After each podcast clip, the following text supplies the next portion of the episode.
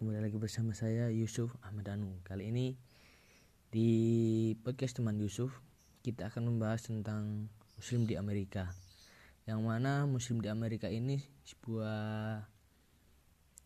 kaum minoritas ya, bisa dibilang kaum minoritas karena kebanyakan di Amerika itu adalah Kristen, rakyat-rakyat Kristen atau agama Kristen ya kita akan membahas tentang Islam di Amerika yang tentunya ini sebagai pelajaran atau berita buat kalian yang ingin mengetahui tentang bagaimana sih uh, Muslim di Amerika sana, apakah sama atau beda dengan di Indonesia.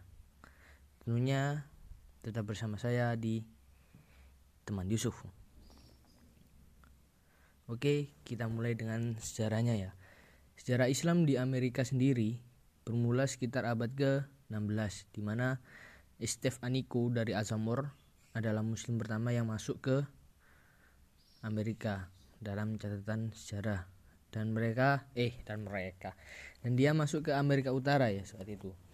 Namun para peneliti ini lebih mempelajari tentang bagaimana mereka bisa datang ke Amerika.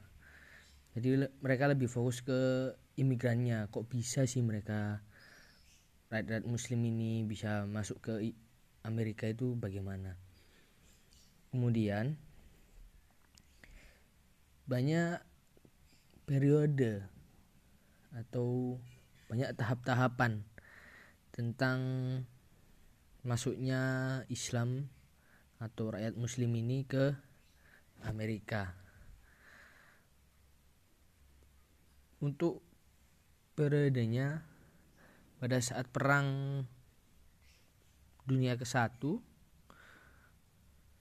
yang mana saat ini wilayah Suriah, Yordania, Palestina dan Israel ini warganya pindah kebanyakan pindah atau imigran ke Amerika disebabkan ya itu tadi perang atau kekacauan yang ada di sana pada saat perang dunia.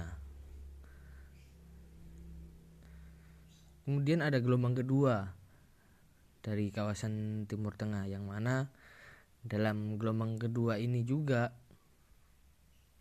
kolonialisme barat itu menyerang wilayah timur.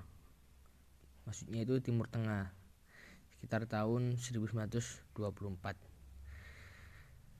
kemudian rakyat dari Amerika itu merasa kok kok semakin lama semakin banyak gitu. Dan akhirnya pemerintah dari Amerika Serikat membatasi jumlah dari imigran yang akan pindah ke Amerika Serikat.